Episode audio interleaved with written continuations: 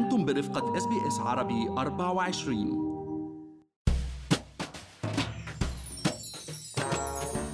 اقتربت ولايتي نيو ساوث ويلز وفيكتوريا من نسبة تلقي 70% للقاح كورونا الأمر اللي رح يسمح بعودة جزء كبير من الحياة لطبيعتها. وأكيد فتح الأسواق والمطاعم والمقاهي بعد فترة الإغلاق الطويلة. معكم مرام إسماعيل من بودكاست لنحكي عن المال.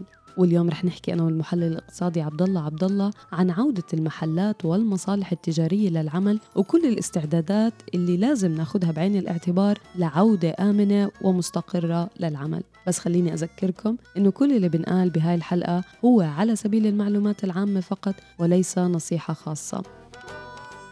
عبد الله في كتير معلومات حول كوفيد 19 وشروط الموضوع على المصالح التجارية لإعادة فتحها وأكيد بتختلف من ولاية لولاية، يعني قبل ما ندخل بالتفاصيل من وين ممكن نحصل على هاي المعلومات من مصادر موثوقة؟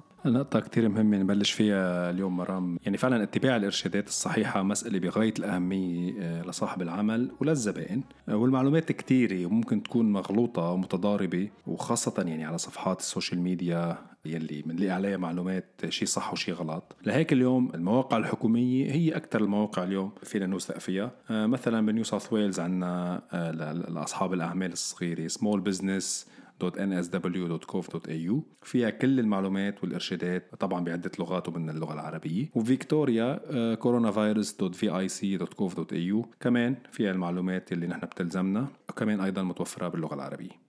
تمام. الخطوة الثانية هي إعادة ترتيب وإجراء تغييرات على مساحة مكان العمل حسب الإرشادات لحماية الصحة والسلامة العامة أكيد ووضع كل اللافتات المطلوبة من حيث عبد الله المساحة بين شخص وآخر والكود لحتى الناس تقدر تعمل scan لل QR code وتعقيم اليدين وغيرها من اللائحات. مزبوط وما ننسى اليوم إنه نحن قانونا مرام صاحب العمل مسؤول عن صحة وسلامة الموظفين يعني وواجبه إنه يتأكد من تأمين الظروف آه، وشروط عمل مناسبة تحافظ على سلامتهم وعلى صحتهم. وطبعا أكيد آه، يعني أصحاب المصالح والزبائن لازم يتبعوا هاي الإجراءات عبد الله ليتجنبوا آه، طبعا أي غرامات حكومية. صح. وفي نقطة أساسية اليوم كمان بالإضافة لقصة التجنب الغرامات مرام هي نحن كسب ثقة الزباين.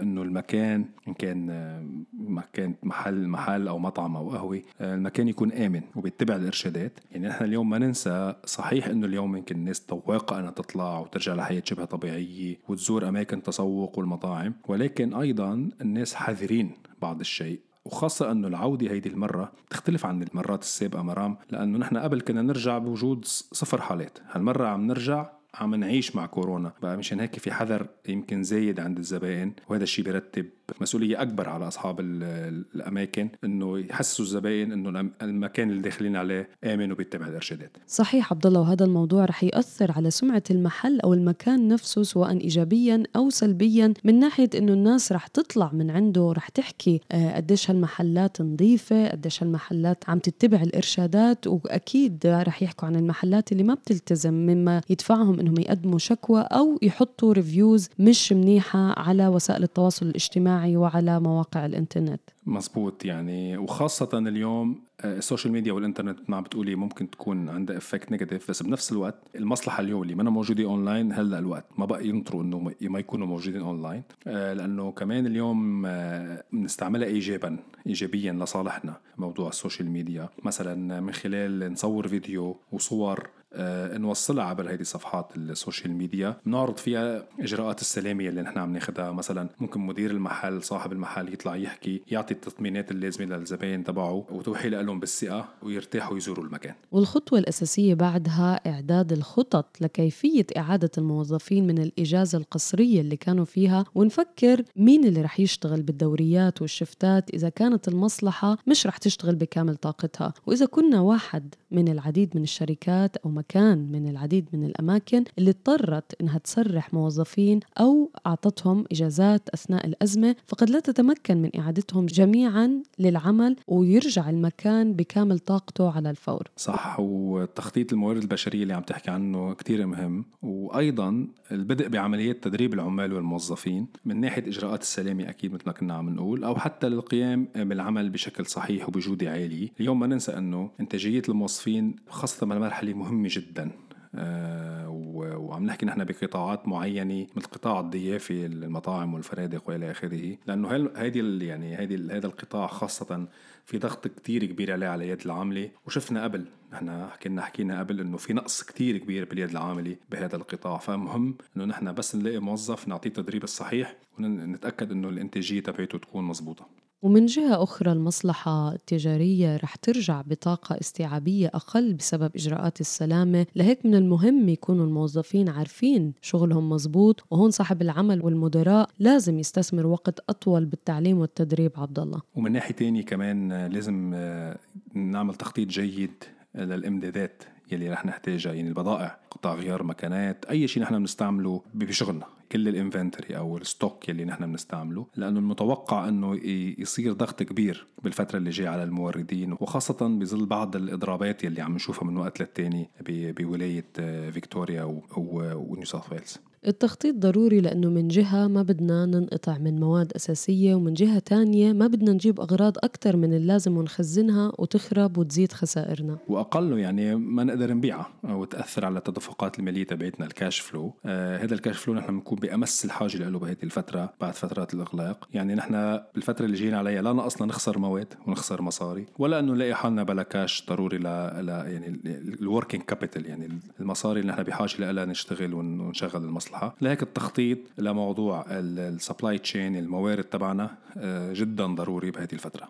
صحيح عبد الله المصالح الصغيرة يلي طبيعة عملها كانت قادرة على العمل عن بعد كمان أثناء الأزمة آه، غير التجزئة وقطاع الضيافة كمان عم بخططوا لمواصلة هذا الترتيب على المدى الطويل. فلازم نفكر بموضوع آه، طبعا أمن المعلومات ال cyber security ويكون من أولويتنا القصوى. صحيح اليوم خاصة هالأيام يعني عم تنتشر عمليات الاحتيال المتعلقة بفيروس كورونا بشكل بالذات يعني وكل يوم يمكن نحن بيوصلنا مسجز من هون ومن هونيك. والموظفين باليوم اللي عم بيشتغلوا ريموتلي هن خط الدفاع الأول ضد أي عملية أو احتمال عملية تسلل لانظمه الشركة. يعني يمكن نحن نكون حطينا بعض الحلول آه، أمن المعلومات المؤقتة بوقت الأزمة. ولكن اليوم صار الوقت لأنه آه، لهالاعمال اللي بدها تضل تشتغل ريموتلي حسب استراتيجيتها تحط كمان استراتيجية طويلة الأمد لحماية أشغالها من الاختراقات. واليوم في عديد من الوسائل لهذا الموضوع. أولا آه، بتبلش بسياسة أمن معلومات صارمة والتأكد أنه كل الموظفين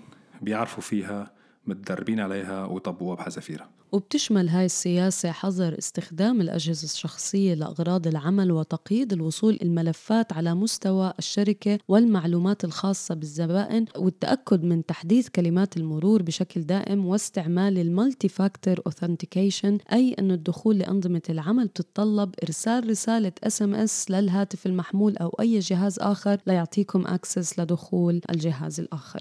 صحيح مرة يمكن في ناس يعني they underestimate موضوع ال multi-factor authentication أو حتى موضوع الأمن السيبراني ال cyber security بس الموضوع جدي ولازم نحن ناخده بعين الاعتبار. هلأ اليوم بمسألة تانية هي مسألة تواصل بانتظام كان كمدير أعمال أو صاحب صاحب العمل نفسه صاحب المصلحة. ضروري التواصل بانتظام مع الموظفين والزباين. وخاصة نرجيهم إنه نحن مهتمين بسلامتهم ورضاهم ودائما نشتغل على تحسين خدمات ما بعد البيع. وأعطاء اولويه لمعالجة مشاكل الزباين ونوجد لها الحلول يعني. يعني نحن فايتين بعالم جديد بعد كورونا والمنافسة فيه كتير عالي آه، واجمالا يعني آه، خدمة العملاء بأستراليا اليوم يعني ما بنخفي سر يعني مرام إذا قلنا خدمة العملاء بأستراليا ما كتير آه، يعني اجمالا بشكل عام ضعيفة نوعا ما مقارنة بخدمات عملاء بنشوفهم بدول تانية. لهيك يمكن بالضروري نبلش نغير هذا النهج ونتواصل أكثر مع العملاء ونشوف آه، شو رأيهم وناخذ الفيدباك منهم. وهذا الموضوع عم نحكي نحن ما بتفرق إن كانت حتى مصلحة صغيرة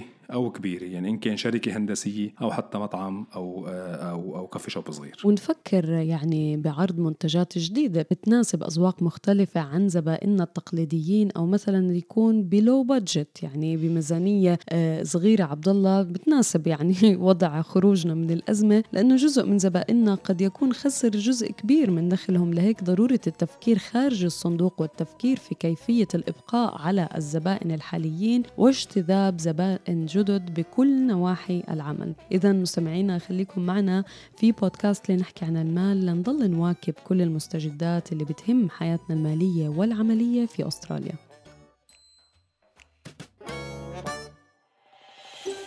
هل تريدون الاستماع إلى المزيد من هذه القصص؟ استمعوا من خلال أبل بودكاست، جوجل بودكاست، سبوتيفاي أو من أينما تحصلون على البودكاست.